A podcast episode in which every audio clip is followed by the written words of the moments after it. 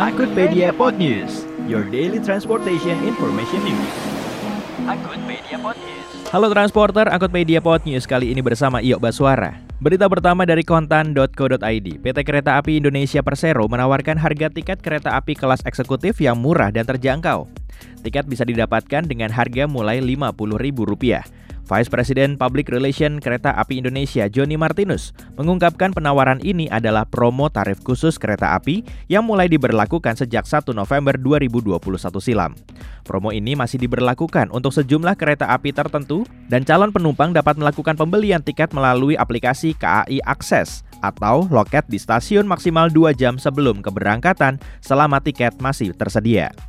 Relasi yang menawarkan harga tersebut antara lain Madiun Blitar PP, Madiun Malang PP, Madiun Surabaya Gubeng PP, Jombang Surabaya Gubeng PP, Madiun Jombang PP, Madiun Solo Jebres PP, Madiun Solo Balapan PP, dan Madiun Semarang Tawang PP. Angkutpedia Pod News. Berita kedua dari Kompas.com.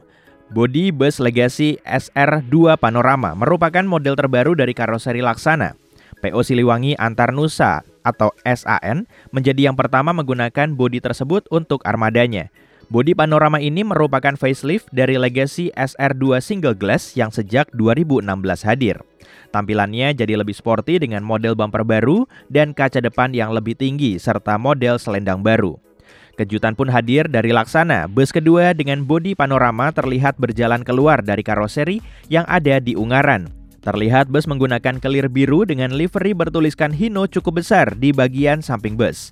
Selain itu, tertulis juga kode sasis Hino RN8J yang nampaknya digunakan untuk bodi bus tersebut. Hino RN8J merupakan sasis yang belum ada di Indonesia. Jika dibandingkan dengan Hino RN285, kode mesin yang digunakan sedikit berbeda, yakni J08E VD untuk RN8J dan J08E VT untuk RN285. Angkutpedia Pod News. Dan berita terakhir dari industri.co.id. Maskapai penerbangan nasional Garuda Indonesia pada hari Minggu 9 Januari 2022 telah menerbangkan dua armada Airbus A330-300 yang mengangkut bantuan kemanusiaan dari Indonesia ke Kabul, Afghanistan, yang merupakan bagian inisiasi pemerintah Indonesia melalui Kementerian Luar Negeri Republik Indonesia untuk rakyat Afghanistan.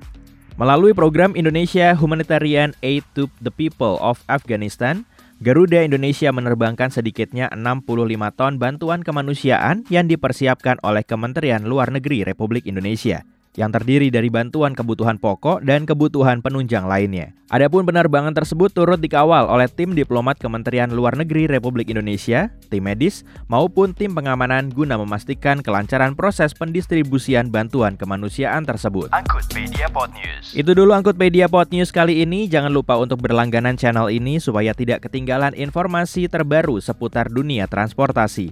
Follow juga Instagram dan subscribe YouTube Angkutpedia Indonesia. Sampai jumpa di Angkutpedia Pod News berikutnya.